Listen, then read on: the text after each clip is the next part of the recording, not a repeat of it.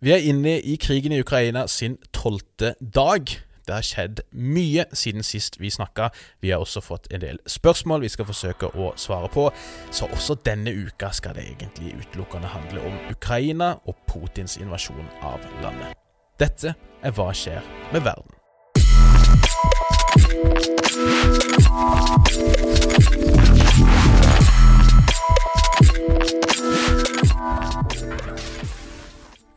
Hei og hjertelig velkommen til en ny episode av podkasten Hva skjer med verden? Denne podden for deg som er interessert i det som rører på seg innen internasjonal politikk, krig, fred og rot et sted midt innimellom der. Mitt navn er som alltid Bjørnar Østby. Med meg har jeg som alltid Nikodemus Brandal. God mandag formiddag til deg, Nick. God mandag, eh, Bjørnar. Og før vi begynner med det som er ille, så kan vi kanskje begynne med å hilse til eh, alle de som har tenkt å feire 8. mars i morgen. Den internasjonale kvinnedagen. Det, det kan vi absolutt gjøre. Og uh, her skal jeg ta en glatt overgang til det vi skal snakke mest om i dag, ved å uh, ta en interessant statistikk. Mens eh, det er stort sett et mindretall som mener at feminisme er en trussel, så er det ett land der over 50 mente det, og det var Russland. Der, eh, der, har vi den, altså. Vi må jo, eh, vi må jo eh, tenne et lite lys for Ja, for, for, så vidt for Kristiansands Bryggeri, som jo er det, det store neglisjerte offeret i, i, verden i dag. Der vi må begynne å, begynne å brygge våre flotte, tradisjonelle drikker på Sørlandet i Stavanger og Bergen. Det er jo en tragedie av verdenshistoriske dimensjoner. Men, men kanskje enda verre er det jo å være freedom trucker i dag. Det er jo betydelig konkurranse når det gjelder hvem som er mest offer for uh, tyranni her. Og uh, vi må rett og slett tenne et lite lys for disse stakkars lastebilsjåførene, disse tapre stakkars lastebilsjåførene som av forskjellige årsaker har havna litt i skyggen i disse dager. Ja, og, og særlig for den amerikanske utgava, som nå driver og surrer rundt i forstedene til DC. Fordi det, det viser seg at hvis du kjører inn i sentrum til Det hvite hus og, og, og til parlamentsbygninger og sånt, og Høyesterett ikke minst, så, så, er det en masse lover og regler om at du kan ikke drive og protestere der. Som var laga for å treffe venstresida, kanskje først og fremst, men nå viser det seg også at eh, frihetselskende eh, kamp, uh, kampfolk på høyresida kan bli ramma av de samme reglene. Det er, det er tragisk, men, men, sånn er verden. Og så må vi også tenne lys for eh, ei anna utsatt gruppe i dag. Uh, de russiske oligarkene som nå må drive og segle rundt og rundt Maldivene i disse yachtene sine for å unngå sanksjoner. Stakkars, stakkars menn. Og vi, vi, eh, vi, har jo Jeg skal ikke si tradisjon, men det skjer jo ofte nok at vi deler ut noen kaktuser også. Og vi må jo dele ut en kaktus til til et Jeg holdt på å si klientell, det er litt stygt, men til en gjeng som, eh, som fortjener en hel del kaktuser ofte, Nick. Ja, altså, engelsk fotball, og i hvert fall Premier League, er ikke akkurat etikken og moralens høyborg i de beste tider. Men, men, de har i hvert fall prøvd eh, den siste uka. Eh, med støtteerklæringa til Ukraina. Og eh, en av klubbene som gjorde det, var Chelsea, som er eid av en eh, russisk oligark, eh, Abramovic, som nå har sagt at han skal selge klubben. Lang historie, den skal vi ikke gå inn på, om han får det til eller ikke. Men i hvert fall, de skulle ha et minutts stillhet eh, til støtte for uh, ofra for krigen i Ukraina. Og den var det en del Chelsea-supportere som brukte til å rope støtteopprop til Abramovic. Proporsjoner er viktig å ha. Ja, det er jo det. Og så skal det sies at det nok er et lite mindretall, men det er like trash å gjøre for det. Vi, vi, har jo endt opp med egentlig å rett og slett beslutte at det må handle aller, aller mest om Ukraina og eh, Russlands invasjon, eller Putins invasjon av Russland av Ukraina, unnskyld, denne uka også. Det har jo skjedd uh, mye. Vi er nå inne i den, uh, det som blir den tolvte dagen av krigen. Og, og, vi er rett og slett nødt til å sette aller mest tid til dette også denne uka. Ikke? Ja, og Putins invasjon av Russland skjedde jo for flere tiår siden. ja, det, det, må vi lenger tilbake til. Men, eh, men, jeg tenker vi kan prøve å kalle det Putins invasjon all den tid at det, det, virker som dette er planen til én mann aller, aller mest. Eh, så det vi skal gjøre, er prøve å ta en liten sånn eh, liten Skal vi si roundup av siste drøye ukas uh, utviklinger før vi, vi, ser litt på Skal vi ta Vi kan si vi tar, inntar et slags metaperspektiv her og prøver å, prøver å, se litt på noen av debattene rundt dette her. Se litt på det juridiske, se litt på mediedekninga. Eh, kommer med noen tips også til, til dere som eh, Vi antar jo at våre lyttere er folk som prøver å følge en del med på nyhetsbildet. Det er sikkert mange som som konsulterer NRK eller VG eller andre for å se hva som foregår. Og hvis man ikke vet helt åssen man bør gå fram, eh, så, så, kan dette virke ganske mye mer lammende og skremmende enn det kanskje trenger å være for de av oss som sitter her på Bjerget. Så Fordelen med å publisere en gang i veka er at du kan prøve i alle fall å løfte deg over støyen på slagmarka, strekke deg tilbake og prøve å få litt perspektiv det er jo det som ofte forsvinner i store overskrifter i nettavisene og breaking news på fjernsynskanalene. Nettopp. Så vi, vi tenkte å, å, rett og slett bruke litt tid på det avslutningsvis. Vi har også fått noen spørsmål fra dere kjære lyttere som vi skal prøve å flette inn svarene til da i løpet av denne episoden. Så jeg tenker vi rett og slett bare kan rulle i gang med ukas Ukraina Roundup.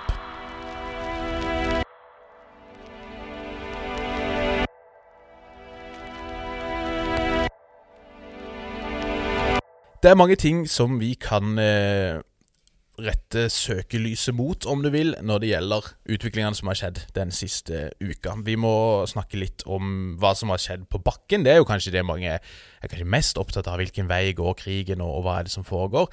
Men det er jo også mange andre aspekter rundt krigen. Det juridiske, det økonomiske, reaksjoner som vi, vi må bruke litt tid på. Det.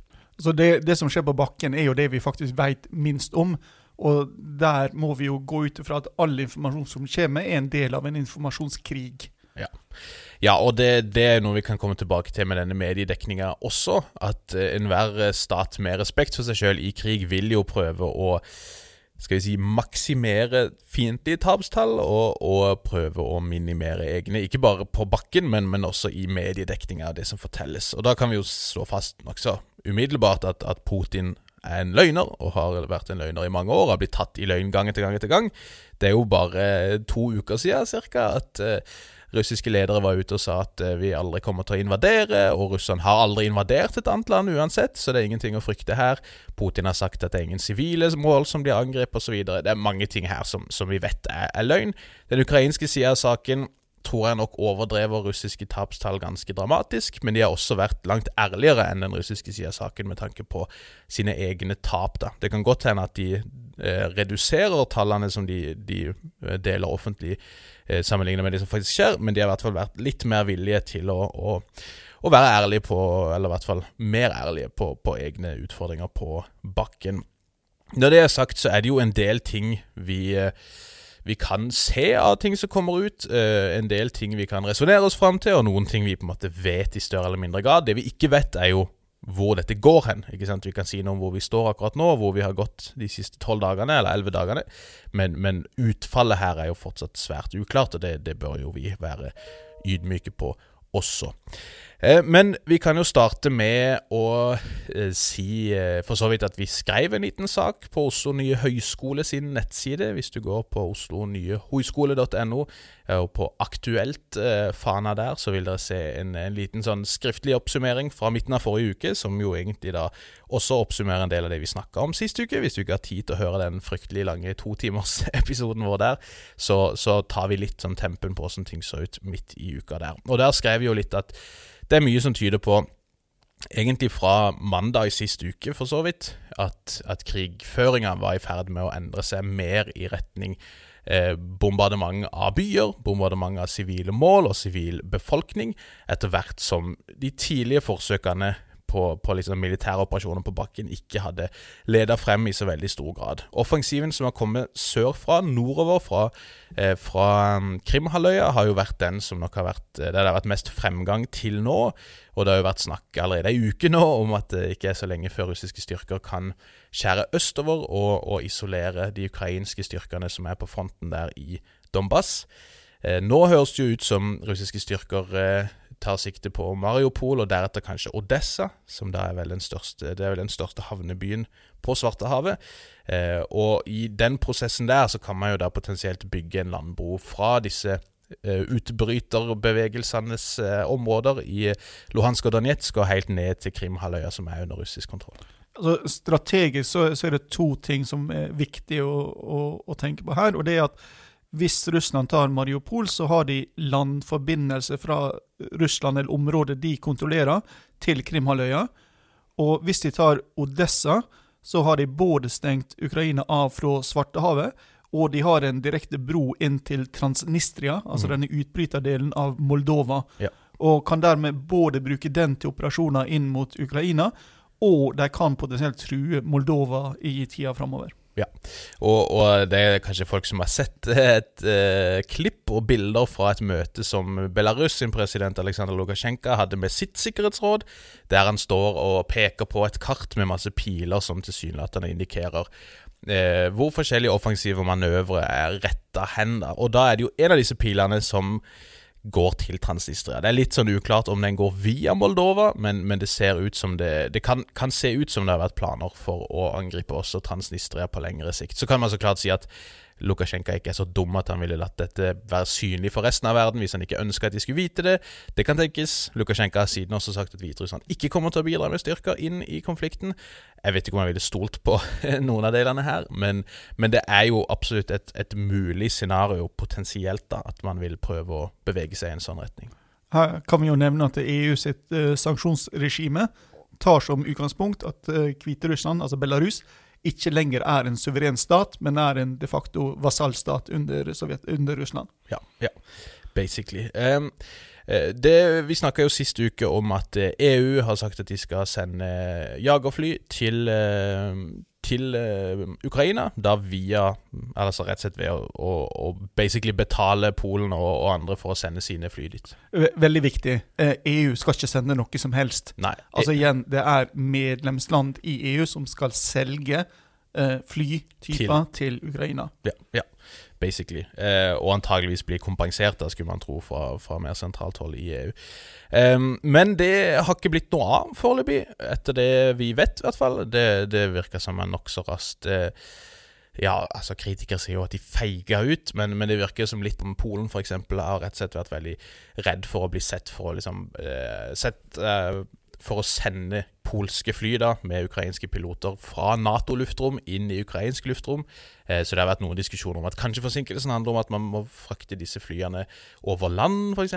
Og eh, for meg så vet jeg ikke om det er det mest sannsynlige scenarioet her, men det virker som man rett og slett har, har, har, trukket seg litt på det. Det siste nå er jo at eh, USA angivelig legger press på Polen for å eh, forsyne Ukraina med gamle MIG-fly og Sukhoi-fly, mot at USA da etterforsyner Polen basically med amerikanske F-16-fly. da. Jeg har ikke sett ennå hvilken vei det går, men det virker som det er en del press som øves der fra amerikansk hold, med mål om å, at det skal lede dit hen. Som er interessant i seg sjøl.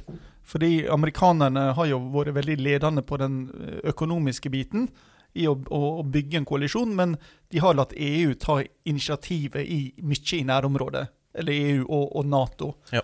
Men at de nå kommer inn og legger veldig press på, når da EU sitt press ikke er nok, ja. viser jo at eh, amerikanerne tar dette ganske så alvorlig. Ja, og samtidig som de tilsynelatende tar det veldig alvorlig, så, eh, og det, det, kan jo også være en indikasjon på at de tar det alvorlig, dette her så klart, så, så, er jo Nato veldig tydelig på at dette er ikke Natos krig, og det kommer ikke til å bli det heller. Vel vitende antageligvis om at det, håper å si, det eneste i anførselstegn som kan redde Putin på lengre sikt her nå, er jo hvis Vesten biter på og, og gjør dette til en konflikt som, som, er lettere å selge på hjemmebane, som en krig med Vesten, med EU, med Nato, you name it. Eh, så eh, Nato har vært veldig tydelig de siste dagene på at det blir ikke noen flyforbudssone i Nato-regi. Det har de vært helt sånn utvetydige på, til tross for eh, en lang rekke formaninger fra ukrainsk hold og fra forskjellige aktivister rundt omkring i demonstrasjoner om at Nato nå må iverksette et flyforbud.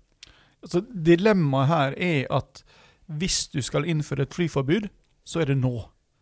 Ja. Og så kommer dette her eh, antageligvis, iallfall grunn til å tro, til å bli verre og verre og verre.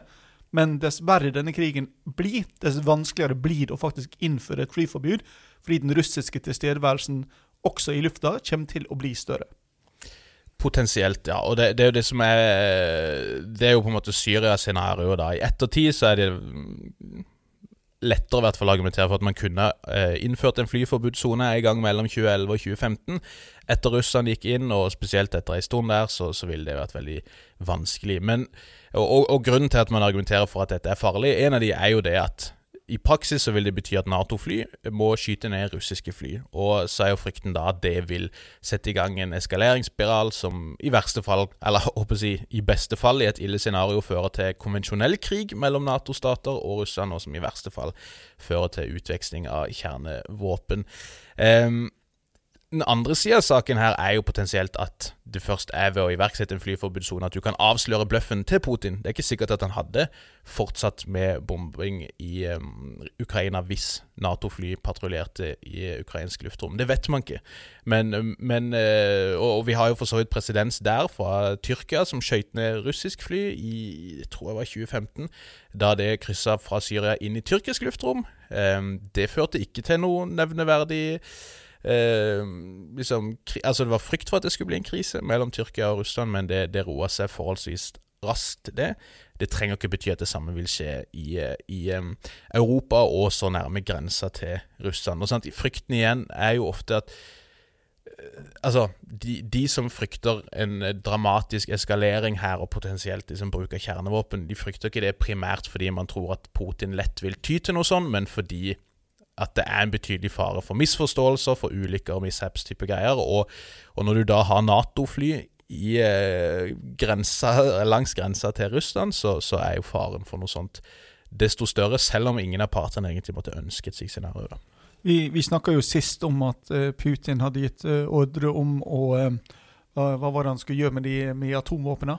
De, de, skulle høyne Settes på en special regime of combat duty. Ja, og så vet vi at uh, jeg tror Russland har sånn fem nivå av opptrappingsnivå uh, av uh, på, på atomvåpnene, og, og, og, denne ordren samsvarte ikke med noen av de. Nei. Så det meste tyder på at dette er bare tull. Men det viser samtidig at det er betydelig grad av desperasjon yes. i dette regimet. Ja. Og, og, det har vi jo også sett i disse trusler tilsynelatende mot eh, nøytrale land i Europa. Eh, Finland, Sverige og eh, denne helga, siste helga Østerrike. Om at hvis de nå ikke får holdt seg nøytrale Med andre ord, hvis de, altså, de, de har jo alle kritisert Russland. Uh, og Sverige og Finland har også gitt våpen. Mm. Uh, men Russland har trua med at konsekvensene kan bli katastrofale. Ja og underforstått vi kan finne på å bruke atomvåpen mot dere. Ja, ja og da, da, vil jo eksperter på dette området si flere ting. For det første så vil de si at dette er ikke i og for seg så overraskende. Det som er overraskende, er at det kommer så tidlig. Fordi det er ofte en indikasjon på at Putin er tom for ideer, å si. Eh, eller da det som, som kanskje er tydeligst her, at, at den konvensjonelle krigføringa går særdeles dårlig, eller i hvert fall langt dårligere enn det man hadde sett for seg. Eh, I hvert fall hos Putin. Vi vet jo ikke hvor mye folk rundt han egentlig visste om at det kom til å bli en invasjon, men, men det er jo en indikasjon på, på svakhet eller en styrke her, sånn mer umiddelbart. Eh, og så, så, vil jo andre si igjen at eh, om man så mener dette her, så er det likevel lite som tyder på at ting har endra seg på bakken. Eh, amerikansk etterretning, og, og altså både talspersoner fra USA og fra Storbritannia og lignende, har jo vært tydelige på at vi biter ikke på, for det første, men de har heller ikke sett noen endringer på bakken, egentlig. Eh, forsvarsminister Sergej Shoigu gikk jo ut og så forklarte litt hva dette handla om, og antydet at det mer handla om eh, bemanning, egentlig. At, eh, at forskjellige kommandosentre og forskjellige siloer osv. skulle trappe opp bemanninga.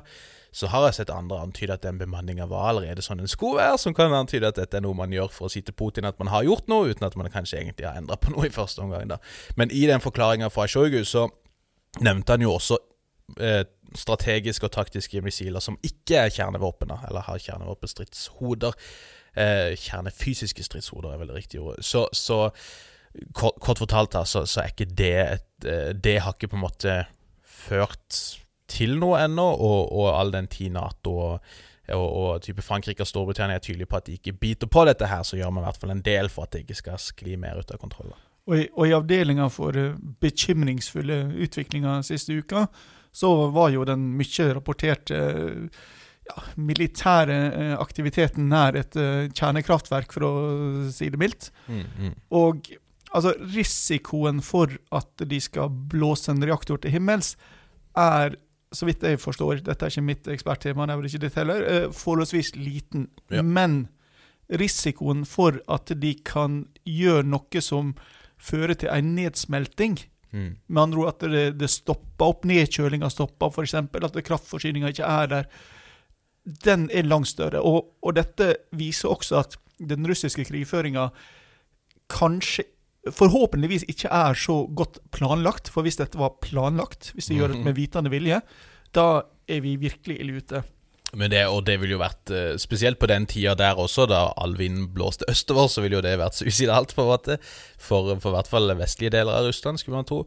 Men eh, nei, sant, ingen, ingen av oss er eksperter på det her, men jeg ser jo at de som har greie på det, også er ganske uenige. Og, og en viktig ting de påpeker, er jo at den reaktoren her er veldig annerledes den som var i Tsjernobyl. Eh, sikkerhetsrutinene og prosedyrer og alt er, er, noe helt annet. Denne her er dekt med reaktorene er dekt inn i liksom meter tjukk betong, som gjør at de skal tåle altså Med mindre du bruker type bunker, buster-bomber og lignende, så skal det en del, til, eh, en del, til, for å nå inn til selve reaktoren. Det som er mer farlig, som du sier, er at man kan eh, ta strømforsyning eller ødelegge dieselaggregater eller kjølesystemer eller lignende som kan gjøre en, en nedsmelting mulig, eller at man kan ødelegge um, lagringsområder for avfallet.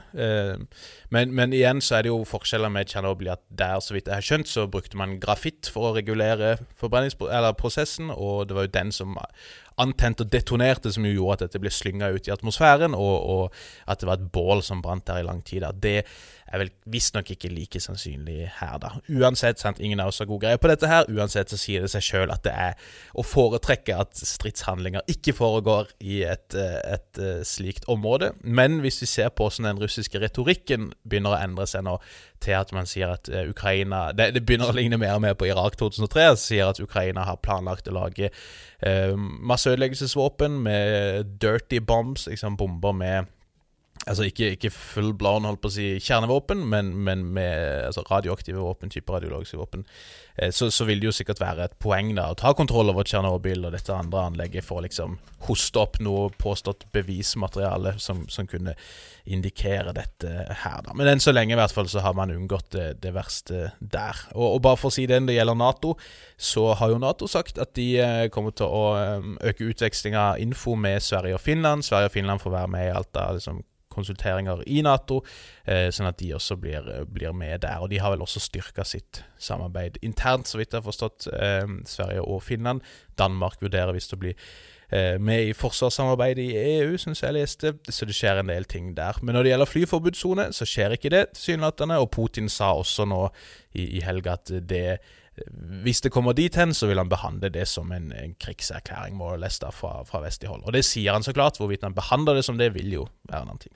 Han har jo også sagt at de økonomiske sanksjonene er en krigshandling, så i tilfelle er vi allerede i krig. Ja, men så sa han også men takk Gud for at det ikke har gått dit hen, rett etter han sa det. Så han sier mye rart, og det, ikke, det kan godt hende at han kalkulerer med at som Trump så er det lurt å virke ustabil og være tvetydig i alt du gjør, liksom, fordi at det, det bidrar til strategisk ambiguity, såkalt. Eh, uansett, eh, det har jo vært flere såkalte våpenhviler som har blitt erklært de siste dagene, også i, i formiddag, etter det jeg skjønner. Um, som da skal ha vært et resultat av noen av disse samtalene i Hviterussland om å etablere humanitære korridorer, og der man i, i, den forbindelse også har forsøkt å evakuere sivile. Så har jo det gått fryktelig dårlig. Det er flere sivile som har blitt drept fordi at de områdene der man skulle samle folk for å evakuere de, har blitt truffet av artilleri.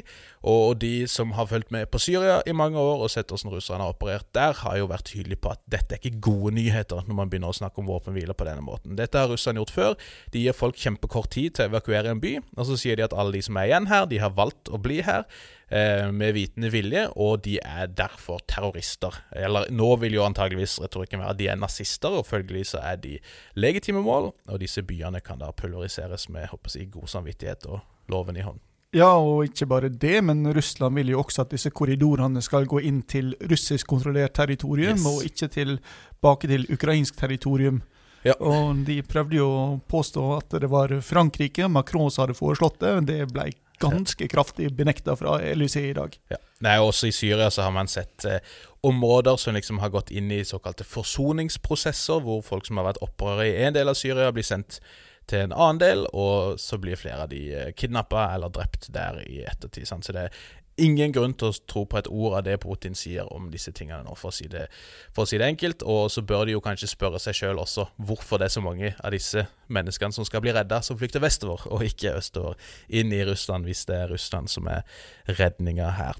Når det gjelder den humanitære situasjonen, så er det jo eh, veldig mange mennesker som har dratt på flukt allerede. De siste tallene jeg har sett nå, indikerer at over 1,5 millioner ukrainere har forlatt Ukraina. Ca. 1 million av de er vel nå i Polen. Og det gjør jo at eh, ja, FN beskriver det som den, den største og liksom raskest utviklende flyktningkrisa i Europa siden andre verdenskrig. NRK meldte i helga at det var den Aldri, har, aldri, før har så mange mennesker flyktet på så kort tid. Det tror jeg ikke stemmer. Det er i hvert fall lignende tall under folkemordet i Rwanda, der man hadde flere runder hvor 800 000 til 1 million mennesker forlot deler av landet på veldig veldig kort tid. Men det er ikke i og for seg et så veldig viktig poeng.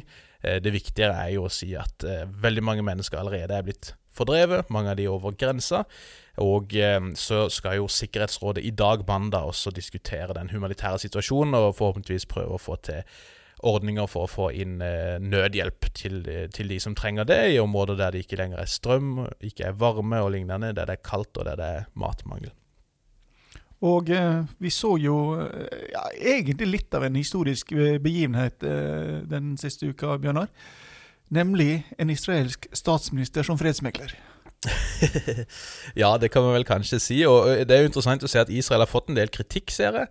Også fra, fra jødiske kommentatorer om at de, de, liksom ikke har tatt tydelig nok parti her. Eh, og at de, de, har prøvd å, å Ja, kan, de blir anklaga for i beste fall sitte på gjerdet, men de sier jo sjøl at de prøver mer å posisjonere seg som en mulig mekler. da. Også eh, Tyrkias Erdogan har vel tilbudt det, så vidt jeg har sett. Nå skal det jo sies at Tyrkia har stengt dette, stengt dette Bosforos-stredet for eh, eh, marinetrafikk. Det er ting som kan tyde på at de prøver å få inn tyrkiske droner til Ukraina og lignende, men, men både Erdogan og, og Bennett i Israel virker å prøve å plassere seg litt sånn midt imellom her. Altså, Naftali Bennett var, ble jo den første demokratiske statslederen som besøkte Putin på lørdag. Ja. Og Han hadde et møte på, på tre timer der de snakka sammen.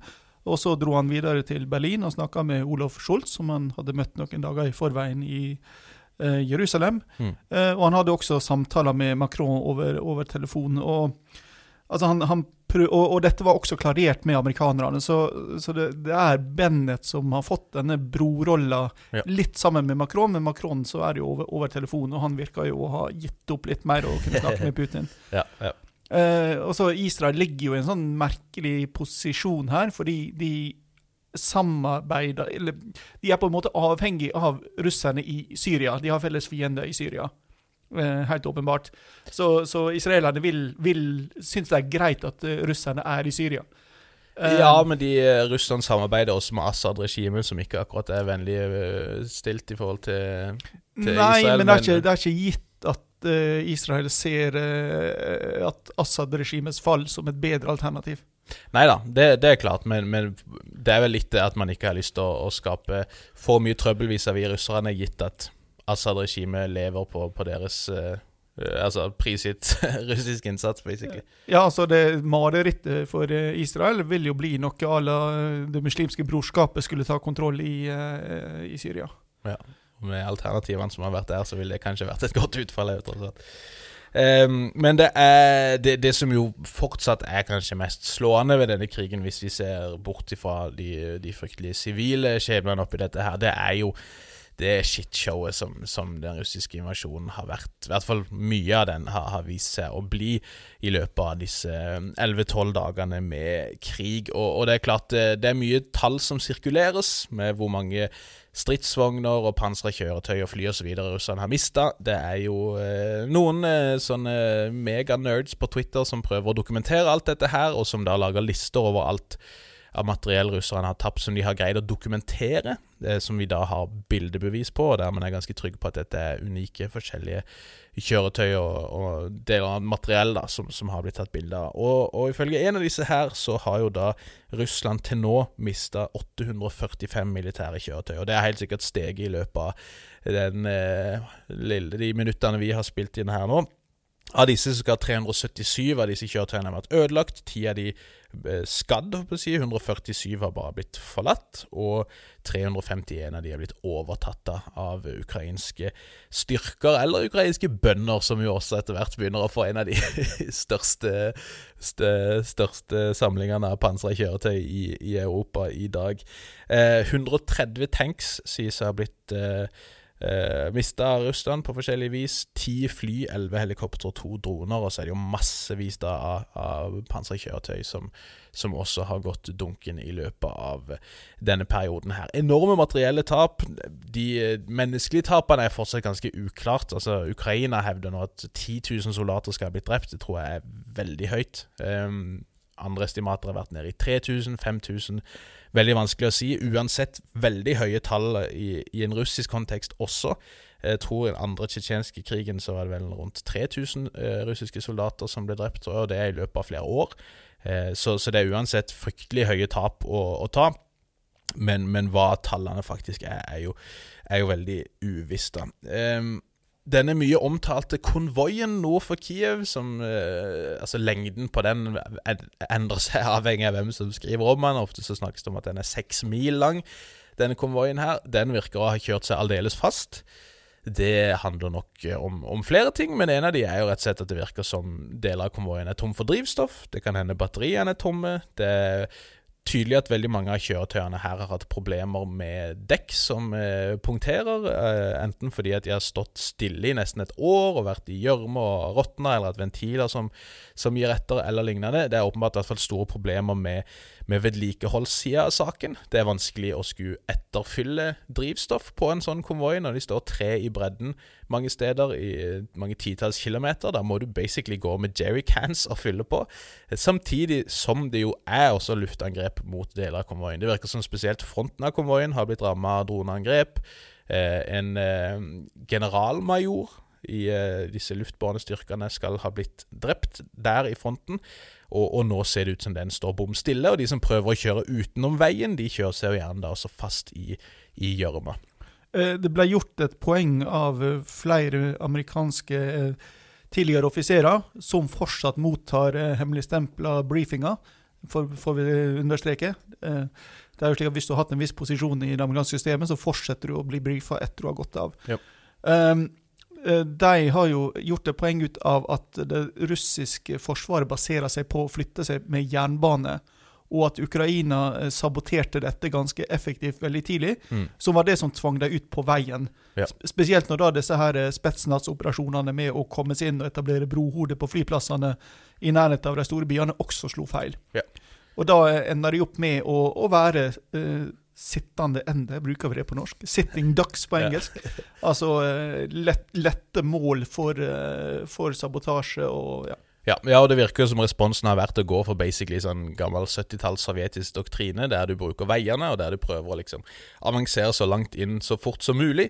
Og så, så virker det også å være en praksis da nærmest at at man har, man har, en trepunktsplan, og så skal du til punkt tre, samme hva som skjer underveis. Så selv om ikke mål én og mål to er oppnådd, så druser man på videre, og så ender man opp med å ha spydspisser av konvoier som er isolert langt, langt inne, og som har kjørt langt fra forsyningslinjene. Og så er det også veldig tydelig at det ukrainske militæret og disse eh, militsene, og, de, og, og, for den saks skyld også sivile, har blitt eh, eksplisitt oppfordra til å la militære, altså la de væpna kjøretøyene passere, og, og stanse forsyningene etterpå. Og Det ser man jo også, at det er biler med drivstoff, med ammunisjon, med mat, som, eh, som blir stansa. Og, og da kommer bare de væpna konvoiene så og så langt før de stanser. Enten å bli overlatt og bare forlatt. Det er jo masse russisk materiell som er helt brukende fortsatt, som er ukrainske hender. Eh, men noe går også bare tom for drivstoff og må forlates. En hær i bevegelse trenger tre ting. Mat, drivstoff og ammunisjon. Og eh, hvis den mangler én av disse her, så er den i problem. Og her ser det ut som eh, russerne kanskje mangler alle tre noen plasser. Ja, ja, det virker rett og slett sånn, og det, det tyder jo nokså utbredt plyndring også på det, rett og slett. Det er vi, vi, Jeg tror vi snakka om det sist uke. Vi skrev så vidt om det i den artikkelen vi skrev på oslonyehøyskole.no, at uh, det er interessant at luftvåpenet, det russiske, virker å ha vært såpass lite involvert i starten, men det er ting som tyder på at de kommer til å bli mer involvert. Sant? Noe av det som har overraska veldig mange, er jo at det ukrainske luftvernet og luftvåpenet har overlevd såpass lenge. Mange så for seg at det kom til å bli eh, konka ut nokså umiddelbart, som gjorde at russerne ville ha air superiority, såkalt, og, og kunne liksom dominert lufta. Eh, det har ikke skjedd. Amerikansk etterretning antyder at Ukraina fortsatt har majoriteten av sine fly eh, til rådighet, var det som ble sagt derfra. Det er jo vanskelig å, etterprøve det. Men det vi har sett, er at der det russiske luftvåpenet har blitt mer involvert, så har det vært eh, med katastrofale kostnader for det russiske luftvåpenet. Det er altså bare i løpet av helga, i en sånn 26 timers periode, så mista Russland jeg tror det var 11 eller 12 fly og, og helikoptre, inkludert to slike SU-34 jagerbombere, som er svære, veldig kostbare, veldig moderne jagerbombere. Eh, og, og, så, så de har mista Masse materiell der. og det, altså Som sagt, eh, dette inkluderer fly og helikoptre. altså Totalt ti fly, men noe sånn som ni av de ble skutt ned bare i helga som var. Inkludert et par helikoptre. Det har også vært snakk om noen nye nedskytninger i dag tidlig etter det jeg har sett. Så det har gått fryktelig dårlig, og litt av grunnen til at det går såpass dårlig, er antagelig fordi disse flyene må fly lavt hvis de skal treffe noe som er verdt å forsøke å treffe. Det er mye som tyder på at eh, presisjonsvåpnene er brukt opp, mer eller mindre. Det er fortsatt noen cruisemissiler som blir skutt inn over Ukraina. Det var et angrep mot en flyplass vest i landet nylig, blant annet.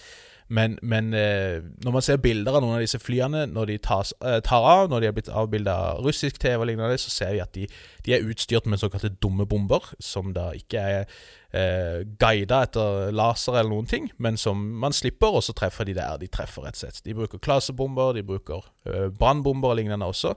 Og hvis de skal kunne treffe noen ting, og Det antyder jo at de fortsatt forsøker å treffe militære mål, selv om de bomber masse sivilbebyggelser. Så, så, så, må de fly lavt, rett og slett. Og når de gjør det, så har veldig mange av de blitt plukka ut av lufta. Og dette her, i motsetning til en del av de stridende styrkene på bakken, så er jo luftvåpenet her langt mer erfarent, og, og disse pilotene har jo eh, antagelig over 20 000 sivile liv på samvittigheten fra deres operasjoner i, i Syria. Så disse her er langt mer rutinert, men de har ikke møtt en slik motstand, verken i Syria eller i Tsjetsjenia. Som jo også antyder at den vestlige strategien med å sende inn bakkel-til-luft-missiler og, og panservernvåpen har, har lykkes forholdsvis godt. Alt dette her gjør jo at jeg ser flere militære eksperter begynner å, å lufte profetier om at, at militæret rett og slett kan kollapse i løpet av, kort tid. Kanskje i løpet av de nærmeste ti dagene så, så risikerer man at, at, det russiske militæret i Ukraina rett og slett klapper sammen. Det er jo en kjent sak at det har vært fryktelig lav kampmoral. Det har vært antydninger blant eh, avhoppere til at det har vært en sånn mytteristemning mot der gjerne offiserklassen. Men, men, det er fryktelig mye som har gått veldig galt, spesielt da i, i kampene nord i, i landet for, for, Russland. Vi må som sagt gjenta at offensiven i sør har gått langt bedre for russerne.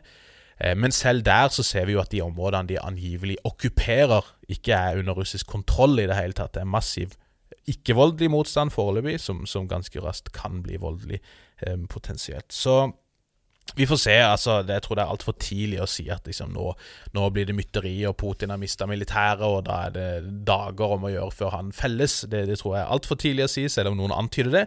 Men, men det går fryktelig dårlig, og, og når du mister så mye materiell også, så er det fryktelig dyrt å skulle erstatte det. Og dere har sikkert sett disse filmene med, med jernbanevogner fulle av sivile lastebiler og varebiler og greier som angivelig sendes til fronten nå for å dekke, dekke over noen av de eh, enorme tapene av, av lastebiler og slikt. Men det hjelper ikke så mye når du havner i ei trafikkork. Det gjør ikke det, og det, det, er jo litt sånn eh, Man får jo litt eh, minner tilbake til eh, Tysklands angrep mot Frankrike i 1940. Da snakker man jo om verdenshistoriens største trafikkork, da denne konvoien skulle over Ardennene. Og det var vel noen franske rekognoseringsflyvninger som, uh, som, sa at her har vi mulighet til å stanse hele Wehrmacht, basically, på ett sted. Men det, generalene vil ikke høre det, og det, det, ble ikke noe av det. Og her, også her har det jo vært mange som har ment nå må Nato bare sende inn fly og bombe de. Trump foreslo vel at man skulle Nei, det var, det var en, en, eller annen Trump-rådgiver som hadde foreslått at vi skulle eh, det, Nei, det kan ha vært Sean Hannity, tror jeg. Så vi, vi, vi, bare flyr inn og bomber, og så er det ingen som vet hvem som har gjort det. Trump sa vel at vi burde sende inn fly og bombe Kina, men late som det var Russland som gjorde det for å få de til å gå i krigen med hverandre. De har jo den mentale, mentale kapasiteten til femåringer, disse gutta her. Men mange som ønska at denne konvoien skulle bli bomba, det ser ikke ut som om det har vært nødvendig, og det ser ut som ukrainerne har har eh, kalkulert helt riktig med å konsentrere seg om andre fronter, og så la den la den stagnere før man eventuelt da gjør noe med den. Når det gjelder eh, Belarus, så har det jo vært snakk om at, eh, og det tror jeg vi nevnte sist uke, at det så ut som styrker derfra kom til å bli involvert. Det hadde vært snakk om at en, en invasjon, ny på en måte runde med, med, styrker derfra, skulle involvere seg. Lukasjenko har nå sagt at de ikke skal det, men han ble fortsatt vist med dette her kartet som antyder at de skulle invadere og rykke helt ned til Transnistria. Så det, det, er, det er veldig uvisst, akkurat det der masse rykter også om at eh, man prøver å mobilisere deler av, eller større deler av Wagner-gruppen. Det høres ut som leiesoldater allerede har blitt hyra for å prøve å ta livet av eh, Zelenskyj, uten å ha lykkes med det. Det var et masse snakk om at nå skal Russland hente hjem leiesoldater fra altså Wagner-styrker fra Libya og Den sentralafrikanske republikk, men etter det jeg kan se, så er det ingen av de som er eksperter på disse områdene, og som er i disse landene, som har sett noen ting som tyder på at det faktisk skjer. Så, så jeg tror det er litt sånn bare, bare narrativ og, og ryktespredning enn så lenge. Og uansett så er det vel ikke akkurat mangel på kanonføde som er Russlands største problem her? Nei, det får man vel trygt uh, trygt si. Om du så hadde hatt de, de sterkeste styrkene. Eliten av eliten, så hjelper ikke det stort når, når eh, logistikken er såpass mangelfull, får man si. Når det gjelder disse sanksjonene, Nick, så har det jo skjedd eh, et og annet eh, der. Vi snakka jo for så vidt, så vidt om Roman Abramovic, som sier han skal selge Chelsea. Det, man kan jo håpe på mange år med stagnering for Chelsea, for de er jo som ikke har noe sympati med det laget der. Men, eh, men, det har jo skjedd eh, andre ting også. En voksende eh, liste av internasjonale selskaper eksempel, som slutter å operere i Russland. Visa og Mastercard har etter det jeg har sett sagt at de vil slutte sine operasjoner der. Så det er jo en hel del ting som, som skjer på den fronten. Og også innen shipping så har jo både Mersk og MSC, som er noen av de største eh, internasjonale selskapene som driver med, med cargo, de har sagt at de ikke vil operere med Russland. Så det er jo en del ting her som gjør det, selv det å bare få inn eh, deler og, og, forsyninger til oljeindustrien, som, som, plutselig blir veldig veldig vanskelig her, skulle man tro. Ja, altså, ikke, ikke bare det, men altså, olje og gass har jo vært unntatt fra sanksjonene for, fordi man er redd for konsekvensene vil få for eh, prisen på verdensmarkedet. Ja. Den har jo allerede gått opp, men det, det er ikke nødvendigvis fordi eh, man ikke kjøper olje fra, fra Russland. Eh, veldig mange av selskapene som har gjort det, har jo vært inne i, er jo inne i langsiktige kontrakter som de ikke kan si opp uten videre. Mm. Men det som skjer, er jo at eh, multinasjonale selskap er ganske vare for um, hva skal man si uh, offentlige meninger. Yeah. så de har jo på eget initiativ slutta å kjøpe, ikke fornya eller forlenga kontrakter osv. Og, og, det, mm. og det får jo åpenbart konsekvenser. Slik at handelen med russisk olje har gått ned allerede. Mm. Uh, og så, der, Men der vi kanskje ser mest umiddelbart, det har vært på russisk luftfart. Ja, ja. Uh, altså De to uh, store IT-tjenesteleverandørene der for bestillingssystem er jo Sabre og Amadeus. Og de har nå stoppa alt med Russland. Så altså alle reisebyrå og portal, nettportaler osv. Uh, har ikke tilgang til Aeroflot lenger. Mm. Og så har jo disse her eh, leasingselskapene altså Aeroflot leaser nesten hele flåten sin. Ja. Og veldig mange av dem er leasa fra selskap som befinner seg i Vesten, og de har sagt det er vel 600 fly som de nå krever tilbake eh, innen jeg tror det er 24. mars, eller noe sånt. Ja, slutten av mars. eh, så det betyr jo at de eh, de må levere dem tilbake igjen. Og det, det var jo en veldig interessant hendelse nå i, på, på fredag der det var et, en Airbus eh, A321 eh, fra Aeroflot som dukka opp like i polsk luftrom. På vei til Budapest, og landa der og plukka opp russere og fløy tilbake igjen. Det interessante med dette flyet her, det er at det var et av de få Aeroflot-flyene som ikke var eid av utenlandske luftleasingselskap, men var eid av den russiske Sberbank. Så de, de, var ikke redde for at den kunne bli inndratt. um, og så i, du kan si, I forlengelsen av dette her, eh, så er det jo at de også mister tilgangen til eh, forsikringsordninger. Altså Hvis du ikke har leasingkontrakter i orden, så får du heller ikke forsikring. Du mister tilgangen på eh, reparasjoner, på teknologi, på reservedeler, som gjør at eh, russisk luftfart mer eller mindre vil stoppe opp i løpet av ikke så altfor lang tid, hvis dette fortsetter. Og det er uavhengig av hvilket luftrom de har lov til å ferdes i første omgang? Ja, det er definitivt uavhengig av, av hvilket luftrom, ja. ja. Så det er jo ganske rimelig dramatisk, får man si. Og så, er det jo så klart mange konsekvenser for den gemene russer også oppi dette her. da, og Det, det var jo f.eks. noe av det første som kom ut av bildet, var jo fra metroen i Moskva, der folk ikke kom seg gjennom disse portene ned til undergrunnsbanen fordi at uh, Google Pay og Apple Pay slutta å virke, f.eks. Ja, og, så det er jo en del ting som gjør at liksom, man begynner å tenke seg litt om med denne kontantløse virkeligheten vår også, da, som viser hvor hvor sårbare disse tingene faktisk kan, kan, være. Men så bør vi jo legge til at system, disse sanksjonene er ikke så vanntette som det kan virke. Nei.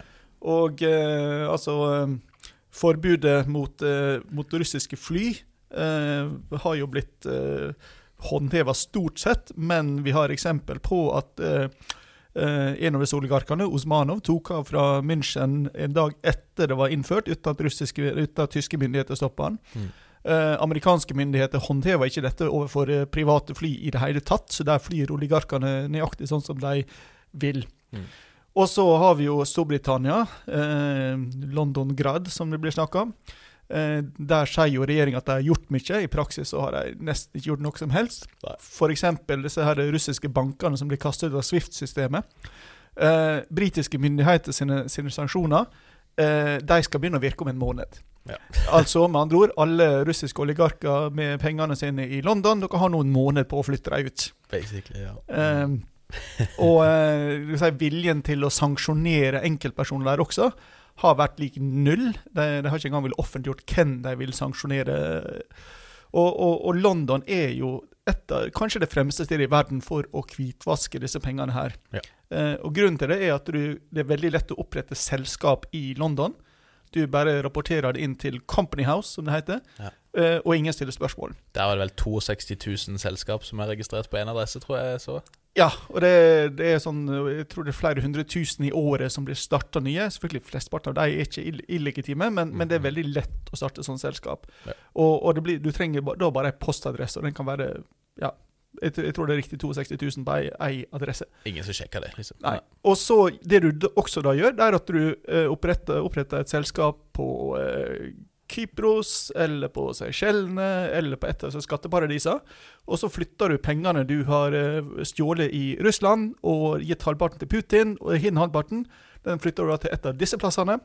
Og så får du hjelp av de hyggelige folka i Deutsche Bank f.eks. til å flytte uh, disse pengene tilsynelatende til London.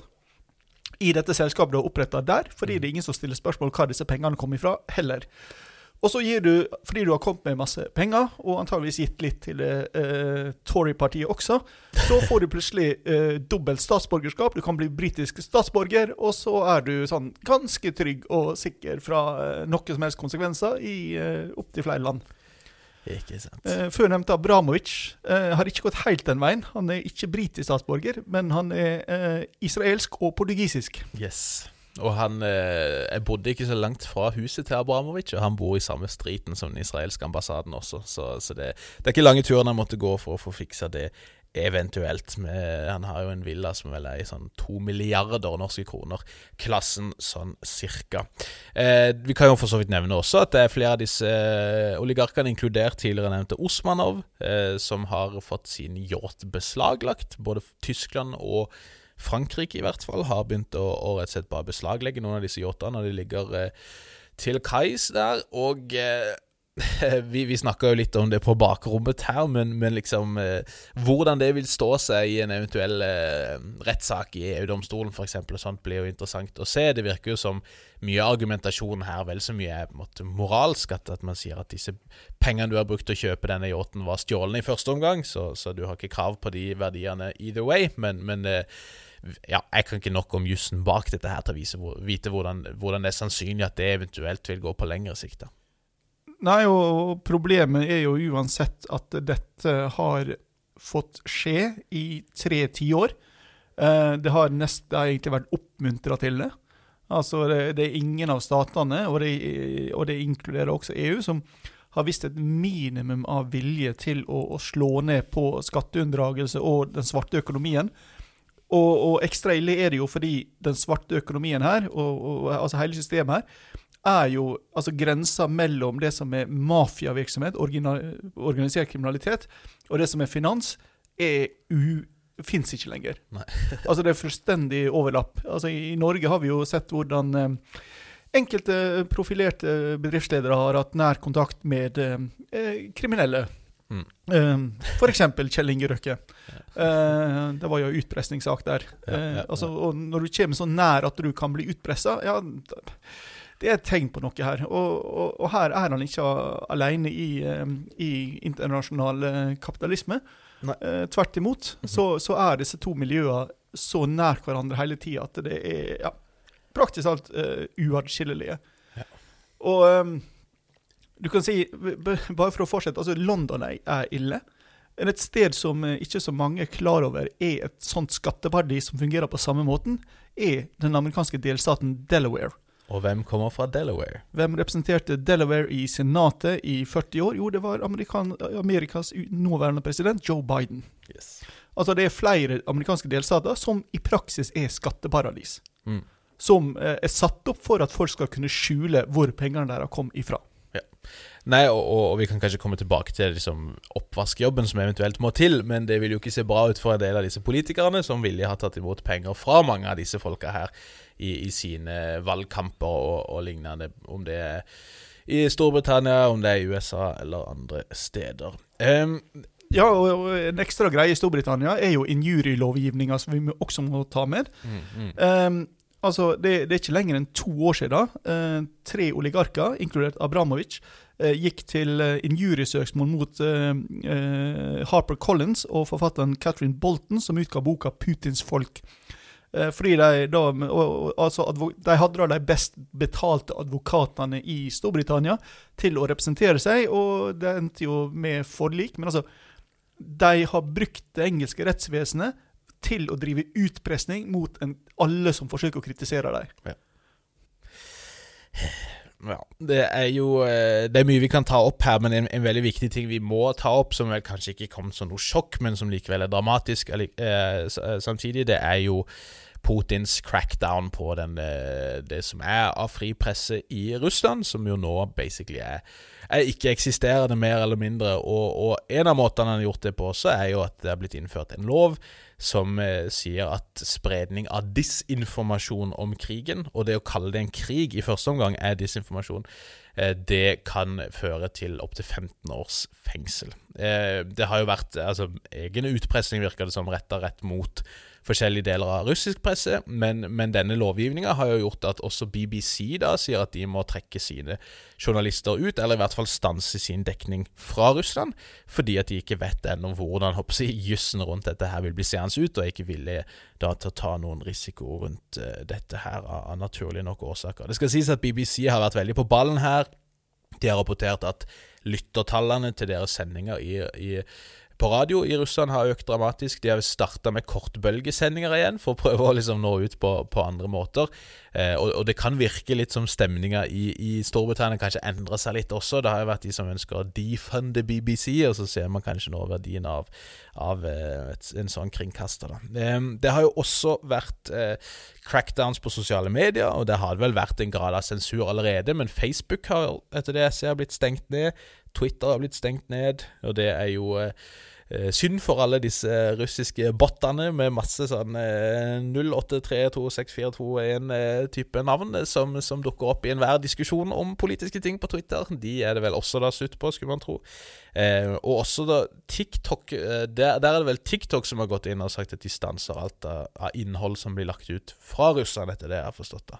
Det er jo interessant at uh, pioneren i uh, trolling via sosiale medier nå ser ut til å tape trollkrigen. Rett og, og slett. Og der har jo russiske ambassader, spesielt den i Storbritannia, vært spesielt til å shitposte på, på Twitter, får vi si. Men eh, de dagene er slik det ser ut nå, over. Og så, eh, så det, Man skal ikke si at det er noe positivt med dette her. Det eneste som Hvis man skal prøve seg på en optimistisk spinn på dette her, er at uh, dette gjør det lettere for Putin å selge et eller annet falskt scenario som en seier, og spinne et tap til en seier på hjemmebane ved å redusere måten å få inn stoff på. Jeg ser for meg at det fortsatt blir vanskelig å skjerme folk fra, fra info, men, men det, det, skrives jo mer og mer nå om uh, russere som har familiemedlemmer i Ukraina, hvor familiemedlemmene, det kan være søsken eh, for den saks skyld, forteller om hva som skjer, og hva de lider eh, under håper jeg, med den russiske invasjonen, men som ikke, ikke engang tror på det, fordi at det russiske narrativet har vært så tydelig. Da. Men time will show, men uansett fryktelig dystert, spesielt med denne loven da, med opptil 15 års fengsel. Når det gjelder internasjonale reaksjoner, så har det jo vært nok av de. Det var jo et møte sist uke i eh, FNs generalforsamling som endte med massiv fordømmelse, får vi si, av, eh, av, eh, Russlands invasjon, og et krav om at Russland skal trekke seg ut. Det har jo ikke blitt noe mer av det, så klart. Og, og vi har ikke tid til å gå gjennom hva alle slags forskjellige stater har, har, stemt her. Det vi kan si, er at det kun var fire stater i tillegg til Russland som stemte imot resolusjonen. Det var Belarus, det var Nord-Korea, det var uh, Syria, og det var Eritrea. Og, og, eh, hvis du til og med mister Cuba og Venezuela, da har du gjort en ganske dårlig jobb, får vi vel si. Eh, vi ser jo at det har vært masse, masse demonstrasjoner fortsatt i, i Russland og, og, globalt. Eh, til nå er den eneste pro-russiske demonstrasjonen jeg har sett som ikke har vært i, i eh, Russland sjøl, var i Serbia. Og det er kanskje ikke så overraskende. Det er en del krefter der som har blitt støtta av eh, Putin, og det er nok i visse miljøer en del støtte også for hans på måte, slaviske, eh, storrussiske prosjekt også der. Det har vært eh, et par sånne meningsmålinger også som har eh, svirra rundt på, på, sosiale medier. En som antyda at eh, 60% av russere tross alt støtter opp om invasjonen. Men så ser jeg mange påpeke at her er det en del mangler og nyanser som åpenbart ikke kommer frem, og som gjør at vi må ta dette med, med en stor klype salt. Én ting er at undersøkelsen var veldig tidlig i krigen, før det kom nyheter både om store russiske tap og eh, ødeleggelse og angrep mot ukrainske sivile. En annen ting er at eh, gitt at denne nye loven om disinformasjon og sånt er på plass, så, så er det antagelig mange som ikke har ønska å uttale seg om dette her, og de som gjør det, er kanskje bare de som, de som føler seg trygge eh, på å snakke om krigen med fremmede, og da er det kanskje også en lur ting å si at du er for dette her. Så skal det sies også at de blir ikke spurt om invasjon eller om krig, men om de støtter en militær spesialoperasjon. Og så vet man jo at det er en del forskjeller her også, så det ser ut som blant eh, unge og blant kvinner og blant folk i de store byene i vest, som i Moskva og St. Petersburg, så er det mye mer kritiske holdninger til dette her enn det kanskje i andre segmenter av befolkninga. Så så har Navalny-kampanjen, denne um, opposisjonslederen som nå står for retten, hans kampanje har også kjørt noen meningsmålinger i Moskva, riktignok bare, men som også tyder på at holdningene har blitt langt mer negative til invasjonen eh, i løpet av den første uka enn det den var i, eh, innledningsvis. da. Men, men det, er, det, er, grenser for hvor mye vi kan lese ut av noe sånn, og folk kan ha gode årsaker til å ikke ville snakke veldig åpent om dette, slik som klimaet er nå. En annen ting som kanskje har gått litt under radaren, det er at Det arktiske råd har blitt suspendert. De har eh, rett og slett oppløst det midlertidig, og kommer ikke til å, altså, de vestlige deltakerne der kommer ikke til å være med på et møte som skal holdes snart. Det arktiske råd har blitt behandla som et slags unntak, så selv der det har vært store gnisninger mellom eh, USA og Russland f.eks. For i forskjellige deler av verden, så har samarbeidet og dialogen fortsatt å vært konstruktiv i Det arktiske råd. Man har liksom hatt et, et slags unntak i nordområdene der samarbeid og, og diplomati har funka eh, nokså godt. da. Det kan jo virke som at det unntaket ikke lenger eksisterer, da, og at, at også det blir påvirka av eh, dette her.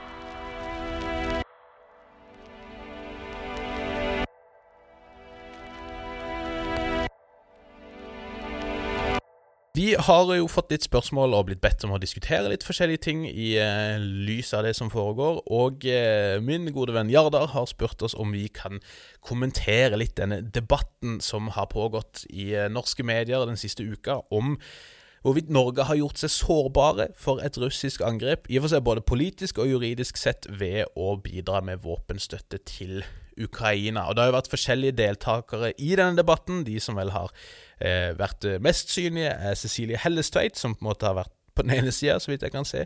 Og så har folk som Knut Einar Skordviden, Sigurd Simonsen, Arne Willy Dahl vært, vært ute og meldt litt på den andre. Og, og, det som gjør det kanskje litt vanskelig å navigere den debatten, og i hvert fall Nick og meg har snakka mye om det, er at debattantene har hatt en tendens til å liksom blande både det juridiske og det politiske, og så blir det litt sånn Snakker man kanskje litt forbi hverandre og på litt forskjellige premisser, og plukker og mikser litt sånn som det passer, som gjør at dette kanskje Debatten slik den har blitt, har ikke nødvendigvis vært veldig opplysende eller konstruktiv, da, hvis vi, kan, hvis vi kan si det sånn. Selv om det er viktige spørsmål som må stilles her, da.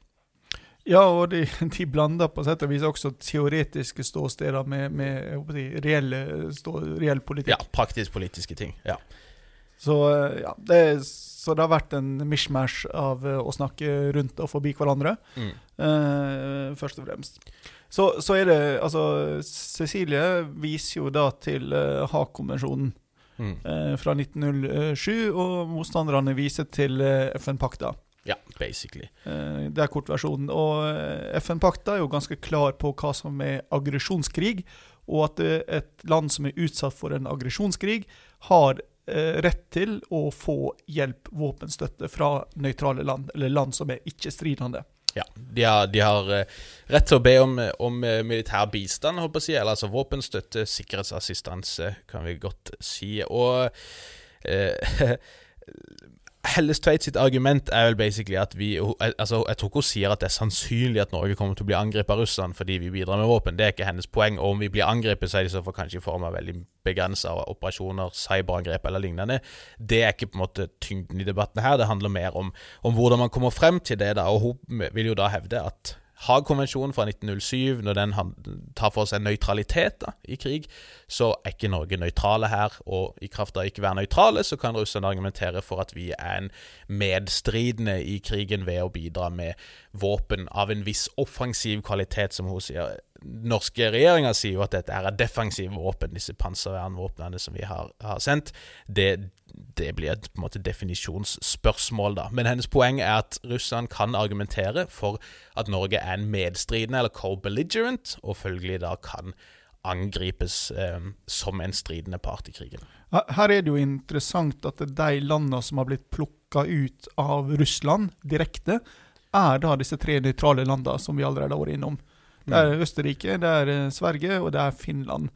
Norge har ikke vært nevnt, og eh, la oss anta vi ikke figurerer så fryktelig fryktelig høyt på eh, i siktlinja til eh, det russiske utenriksdepartementet, og i hvert fall ikke til Putin. Nei, det tror jeg vi, vi trygt kan si. Og så, så er jo altså motpartene her vil jo si at det er helt greit at vi er nok ikke nøytrale i ordets strengeste forstand, og det er strengt tatt ikke heller Sverige og, og Finland hvis de forsyner Ukraina med våpen. Men så er jo da deres poeng eh, på den ene sida at for det første så må Haag-konvensjonen forstås i lys av FN-pakten. Eh, og da er det helt tydelig at Eh, det er én utvetydig aggressor her. Det er Russland. Det er et utvetydig jeg, offer for en aggresjonskrig. Det er Ukraina.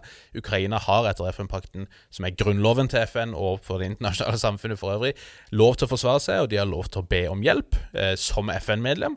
Og når andre FN-medlemmer bidrar med hjelp, så gjør de det innenfor det som er tillatt. Og så sier jo da eh, der, der, jeg syns argumentasjonen til Hellestveit blir litt søkt, er at hun sier når Sikkerhetsrådet er så lamma som de er, med et Russland som kan legge ned vetorett, så kan ikke Sikkerhetsrådet definere dette som en aggresjonskrig. Det blir opp til andre å gjøre. Og all den tid Sikkerhetsrådet ikke definerer det som det, så, eh, så må vi da gå over til andre regler, som da har konvensjonen. Og det har jeg ikke sett folk argumentere for tidligere. Jeg syns det fremstår forholdsvis søkt, og det virker ikke som heller russerne tar det i en slik retning som det er nå, da. Nei, og, og, og, hvis du tar det spørsmålet om aggresjonskrig, så er FN-pakta ganske klar på hva det er. Og alt med at Russland ikke har Altså, de har jo framført folkerettslige argument for sin invasjon. Mm. Eh, eller rettere sagt eh, operasjon. Ja. Um, men de har ikke tatt de til noen kompetente internasjonale organ. Nei. Og det fins plenty mer kompetente internasjonale institusjoner hvor Russland kunne gått med dette her, Mm. lagt fram beviser og fått sanksjonert det de gjør. Så Ja. lenge de ikke har gjort dette, så er dette en aggresjonskrig. Enkelt og greit. Ja. Men eh, det er et argument fra Cecilie Hellestveit som er verdt å ta på alvor. Og det er at eh, alle disse vedtakene som blir gjort nå, blir gjort veldig fort, uten at aktørene ser ut til å ha tenkt to, tre, fire, fem skritt nedover linja, og hva de langsiktige konsekvensene av dette blir. Mm. Og derfor så er dette en nyttig kritikk å ha med seg. Altså Når eh, alle blir så enstemmige som de blir nå, da, da, da trenger vi også disse stemmene som sier hei, stopp, vent litt, Mm. og tenk litt mer. Absolutt, og, og det er jo der igjen da dette også går over på, på den politiske diskusjonen. det er jo der da også motargumentene egentlig handler mer om politikk enn det handler om juss. Det vil si, man kan si at eh, politisk praksis over lengre tid som etter hvert foregår på en måte som om noe skulle være festa ved lov, det kaller man sedvanerett. Og, og et av motargumentene eh, som, som blir brukt mot Helles Tveit, er å si at det er masse stater historisk sett som har sendt våpen til andre stridende parter uten å bli behandla som en stridende part sjøl. Et typisk eksempel er USA under andre verdenskrig, som sendte massevis av, av våpen og støtte til europeiske stater før de offisielt var med, og ble ikke behandla som en stridende part inntil de ble angrepet i 1941, og, og også eh, Tyskland erklærte krig mot USA. Eh, et annet eksempel er jo under den kalde krigen, der både Sovjet og USA, spesielt sånn utover 80-tallet, der det begynte å bli virkelig hårete, b- forsynte motparten sin fiende med våpen som åpenbart kom fra, i Afghanistans tilfelle, amerikansk hold. Disse Stinger-missilene kunne ikke kommet fra noe annet sted enn USA, men det ble ikke brukt som påskudd for å angripe USA eller eskalere ytterligere der. Så de vil si at politisk sett så har det vært praksis for å ikke gjøre dette til et problem, og, og derfor er det ikke grunn kanskje til å tro at det vil bli det nå heller. Og Russland vil ha et betydelig problem med dette argumentet, eh, gitt det vi allerede har snakka om med våpenleveranser til afrikanske stater som Ja. er i krig. Ja, nettopp. sant? Altså Russland har gjort masse av dette her historisk sett, og har sånn sett ikke noe å komme med. Og, og liksom, en aggresjonskrig blir ikke noe mindre aggresjonskrig av å angripe enda flere land, på en måte. Det, det, det styrker ikke Russlands sak. Åpenbart. Så, og, og et annet, eh, en annen politisk innvending vil jo være å si at ja, dette her kan være med å, å fiendtliggjøre oss i Russlands øyne, men samtidig så må vi se sørover også, og da ser vi at så å si hele Europa har bidratt med våpen, inkludert Finland og Sverige, som ja er en del av EU, men som ikke formelt er med i Nato. De har avtaler vis-à-vis Nato, men de har ikke formelt artikkel 5-garantien om, om beskyttelse i tilfelle et angrep. Og Sånn sett så skulle man jo tro at Finland og Sverige løper en mye høyere risiko enn det vi gjør, og da i solidaritet med Skandinavia og med Europa for øvrig, så bør kanskje Norge bli sett for å også da, håper jeg, ta riktig parti her, da. Kan man argumentere for. Altså Dersom Norge ikke hadde vært med på sanksjonene og på våpenleveransene, hadde vi hatt et betydelig politisk og betydelig moralsk forklaringsproblem overfor våre nærmeste samarbeidspartnere og allierte. Ja, og spesielt i et scenario hvor man frykter at den neste amerikanske presidenten vil være anti-Nato, eller i hvert fall skeptisk til å, å bidra med altfor mye militærstøtte til Europa, så har Norge eh, strategiske interesser av å, å bli sett for å være lojale i øynene til f.eks. Tyskland og, og, og Storbritannia for den saks skyld. Så, så all den tid man kan diskutere jussen her, så, så er det politiske årsaker til at Norge nok kanskje burde gjøre dette her, og så kan man så klart også innvende at Putin trenger ikke finjuss og, og sånt for å, å ha en unnskyldning for å, å gjøre ting, på en måte, men, men eh, Utfordringa er rett og slett bare å si at juss er juss, og, eh, og den politiske sida er noe annet, og så prøve å være tydelig på hvilke argumenter som kommer fra, fra hva, rett og slett. Og, og her i den forbindelse så har vi også blitt spurt av min gode venn Martin om vi kan kommentere Rødts påstander da om at Nato-medlemskap svekker Norges forsvar. Eh, altså i, i forstand gjør Norge mer sårbart for angrep, da, egentlig. Altså, Rødts eh, forgjenger eh, AKP ML eh, mente jo i en femårsperiode på slutten av 70-tallet at Nato og USA var for svake til å stå imot Sovjetunionen. Så den eneste løsninga for Norge det var at AKP ML eh, laga et, et heimevern som skulle bli en stay behind, stay behind-organisasjon. um, det, det betyr ikke at de drev med våpentrening, men de drev med formasjonstrening på sommerleirene sine osv. Så, um, så dette er jo ikke et parti som nødvendigvis har hatt et veldig realistisk eh, forhold til eh, hva et forsvar av Norge vil være. og eh, i seinere år har jeg argumentert for at vi burde bruke forsvarsbudsjettet vårt til eh, kanonbåter i Nord-Norge framfor uh, å være med i utenlandske Nato-operasjoner. Ja. altså, Dilemmaet for Norge, eh, som vi har møtt eh, i 1940-41, og som vi møtte igjen i 1949, og som vi har møtt igjen på 2000-tallet, er hvordan skal vi forsvare Norge? Skal mm. vi gjøre det gjennom å bygge opp et forsvar på norsk territorium? Eller skal vi gjøre det ved å knytte våre naturlige nærmeste allierte til forsvaret av Norge? Mm. Svaret ved alle disse korsveiene har vært det siste. Ja.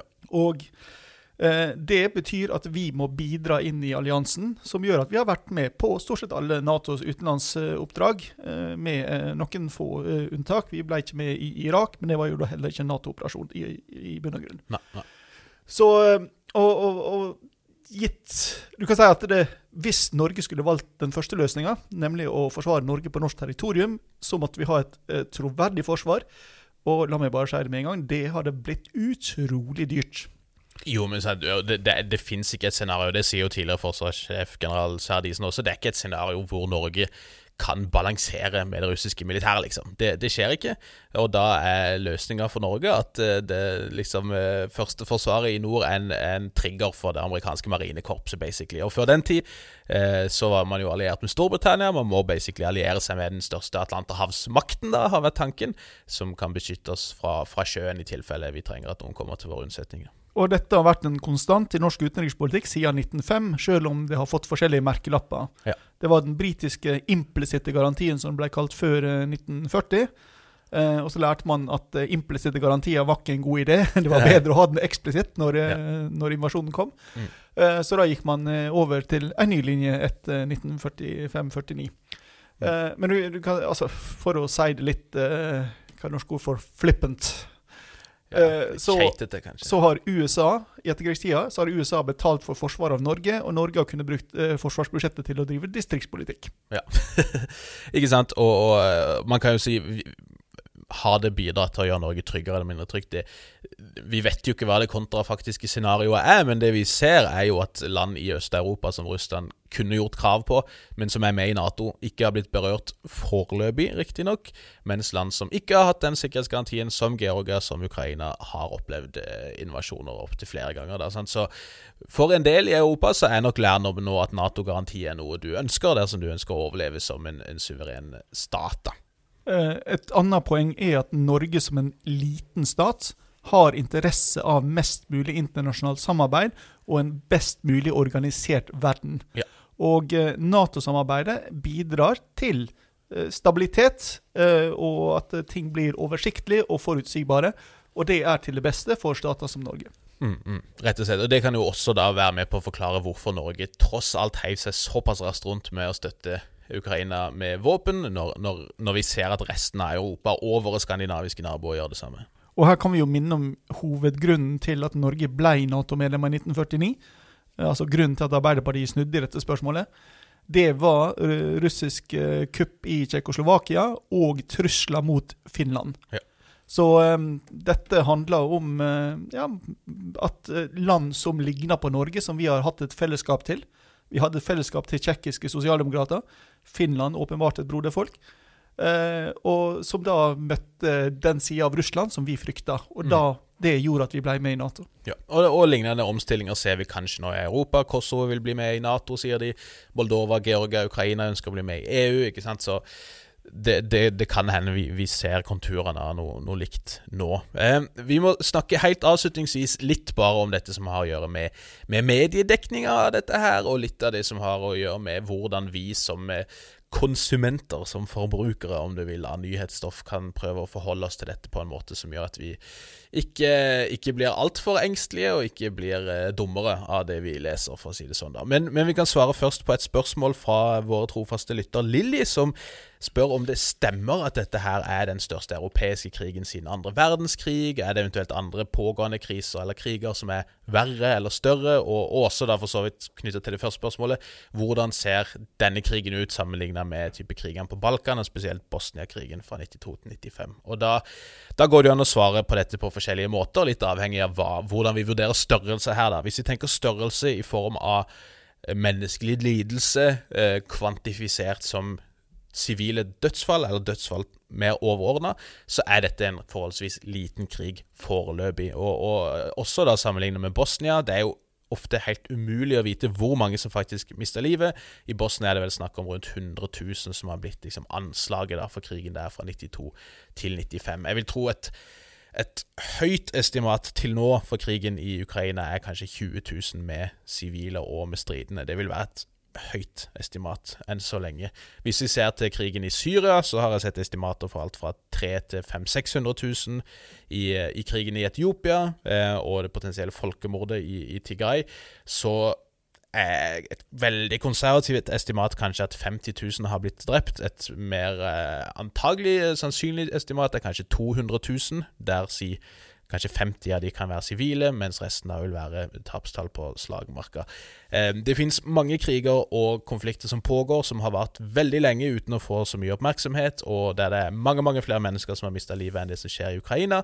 Eh, og av store pågående kriser så må vi jo nevne den humanitære krisa i Afghanistan og den i Tigray i Etiopia. Begge er svært prekære. Hundretusener risikerer å sulte. Så brutalt er det faktisk. Eh, og all den tid oppmerksomhet tas vekk derfra, så blir faren for det desto, desto større. Så det er ikke det at det står på altså det står ikke på mangel på andre kriser, for å si det sånn. Det som gjør at Ukraina får mye oppmerksomhet, det er jo flere ting. Én ting er jo at det er den største krigen i Europa siden andre verdenskrig, hvis vi tenker på det i form av konvensjonell krigføring med massevis av stridsvogner og, og, liksom tungt militært materiell, da er dette åpenbart en av de største krigene vi har hatt på lenge, og egentlig da tilbake til, til andre verdenskrig. Men det kanskje viktigste nikket er jo mer at dette her foregår, om vi, om vi, liker det eller ei, holdt på å si, i det globale sentrum i anførselstegn. Ikke fordi europeiske liv er noe viktigere enn noen andre, men fordi har vært, europeiske kriger har vært kilden til globale kriger og globale kriser eh, siste, ja, de siste to århundrene, får vi si. Eh, og, og, når den balansen og den ordenen man har trodd man har lyktes med, viser seg å vakle igjen, så, så, vekker det åpenbart en del berettiget frykt, får vi si. Så Hvis du hadde spurt historikere for fem år siden eh, hvor er det neste verdenskrig kan starte, så hadde de pekt på to områder. Eh, det er Sør-Kina-havet og det er eh, Krim og Balkan. Ja. Og, eh, så, så, dette er ikke Frykta nå handler ikke om hva dette, denne krigen er. Nei. Det handler om hva denne krigen kan bli. Ja. Og den har potensialet i seg til å dra praktisk talt hele verden inn i konflikter hvis noe går gale. Ja, og, og så betyr ikke det at det ikke også er mye regelrett rasisme, både i dekninga og spesielt i behandlinga av, av, spesielt afrikanske og karibiske studenter som har eh, prøvd å flykte fra Ukraina, og som har måttet tåle fryktelig behandling. Eh, og ditto da, altså, det, det, kan avsløre en del utbredte holdninger i, i medieverdenen også, når man ser hvor lite oppmerksomhet andre konflikter i det globale sør får. Men igjen, to ting kan, kan være sant på én og samme tid her. Um, Når det gjelder akkurat dette du sier da med liksom potensial for verdenskrig og alt dette, så tenkte vi kunne snakke litt helt sånn av, avslutningsvis om, om, litt sånn råd, kanskje, fra noen som leser sykt mye nyheter hver uke. Sikkert mye mer enn det vi egentlig har, har godt av på hvordan man skal prøve å forholde seg til alt dette her. Du avslutta jo siste episode med å si at mye av det som kommer ut neste uke, kommer til å være støy, basically. Og det, det kan vi vel egentlig si er, er tilfellet også, eh, også, nå og i tida som, som kommer videre. Ja, altså Med fare for å få en OK boomer etter meg. Papiraviser er bedre enn nettaviser, fordi papiravisene eh, Du har litt lengre tid til å tenke gjennom hva som skal stå der, enn ting som må slenges ut med det samme. Ja. Altså, du har ei viss flate, og du har ei deadline. Så det er større grunn altså, og det er større grunn til å tro at det er troverdig. Mm. De, de, har rett og slett hatt bedre tid til å sjekke. Ja.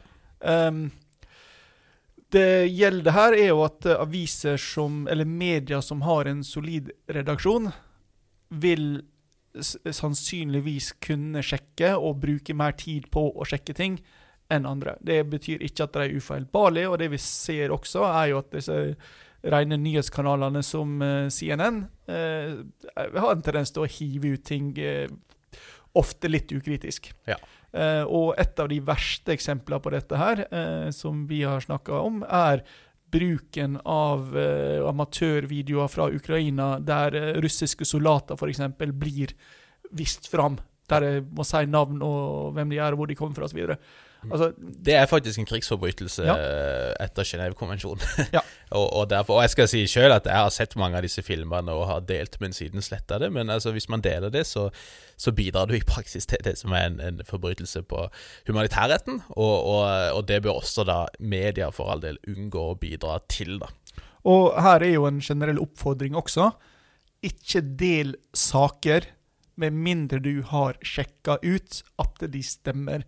Det betyr at Ja. du må gå inn, du må undersøke hyperlinkene som de påstår å bygge på, og du må lese den grundig og kritisk før du sender den videre. Og jeg ville jo også tenkt, hvis man skal skalere, så ja, kanskje eh, papiraviser er det beste, men jeg ville jo tenkt at også en del av TV-dekninga er ganske Ganske tvilsom, i hvert fall en del av, av disse debattarenaene som, som tas frem, så er det ofte vanskelig å, å skille mellom nyhetsformidling og meningsutveksling. Og, og det, så klart, det, det er jo vi, vi kaster håndgranater i glasshus her nå, altså når vi sier det, men, men eh, det er noe som er forsøk på å formidle nyhets- og utviklinger på bakken på nøkternt vis, og noe som er hashtag takes, for å si det sånn, som, som kan være veldig påvirka av ideologiske eh, antagelser, da, som, som, som har blitt ganske tydelig i denne, eh, denne konflikten, vil jeg si. Ja, og og det handler jo om grunnleggende kildekritikk. Altså, den som uttaler seg, har vedkommende eh, et grunnlag, har vedkommende en ekspertise. Mm. Eh, altså, er det noe som tilsier at denne personen skal kunne noe som helst om dette? Ja. Eh, med andre ord, ikke hør på oss. Nei, helt riktig. Men vi er jo helt ærlige på at vi er sjarlataner, så vi, vi er jo verner oss om kritikk eh, fra kritikk på den måten. Men, men sant, det en utfordring også er jo at mange av de som er eksperter på teorier for hvordan internasjonal politikk fungerer, er eksperter på teoriene, men ikke nødvendigvis de som eh, følger mest liksom religiøst med på, på si, hva som foregår på bakken, og som gjør at de kan ha mye interessant å si om mer overordna trekk, kanskje, ved internasjonal politikk, men, men at overgangen til å være en liksom, kommentator på dagsaktuelle utviklinger ikke alltid alltid er like vellykka, da, uten at vi har lyst til å bidra i den liksom teite diskursen om hvem som fikk rett, og hvem som tok feil, og, og alt dette her. Nei, altså, det, det er to interessante sider ved, ved den debatten. Eh, den ene er jo hvem som tok feil, fordi eh, det var et tidspunkt der både områdefolk og teorifolk tok feil i samme retning samtidig. Mm. Det, det skjer ikke så ofte. Nei. Eh, Den andre interessante tingen er jo at eh, dette er en akadem debatt mellom akademikere som plutselig har blitt offentlig. Normalt så går vi og skumler i gangene om, om de andre Ja, som tar feil og som er noen idioter, men nå skriver vi kronikker om det i avisene. Ja, og, og det eneste det garanterer, er jo at mange folk som kan ha mye vettugt å komme med, ikke kommer til å uttale seg offentlig i frykt for å bli, bli hengt ut i etterkant. da. Så, men, men eh, noen viktige råd også. Pass deg for det vi godt kan kalle eh, skremmekommentariatet. Det er mange mange der ute som har gjort en karriere av basically å, å skremme. Kanskje spesielt et visst uh, mannlig og kanskje litt mer sånn konservativt anlagt segment, som, uh, som raskt tyr til worst case-scenarioer, om det så er snakk om innvandring, eller kanselleringskultur, eller korona, eller terrorisme, eller nå atomkrig-type scenarioer. Eh, det er flere av de i, i, som, som alltid sier ja til å stille opp i eh, norsk media, uten at de nødvendigvis har så mye der å, å bidra liksom opplysende, eh, opplysende ting. Så, så vær litt sånn obs på det også, og, og det er sånn hvert jeg merker hvis du har fulgt en del folk nokså tett nokså lenge, så vil du gjerne se at de har en tendens til å behandle veldig forskjellige ting på veldig lik måte, og ender ofte opp med veldig sånn bombastiske, sensasjonelle utsagn og tolkninger. da.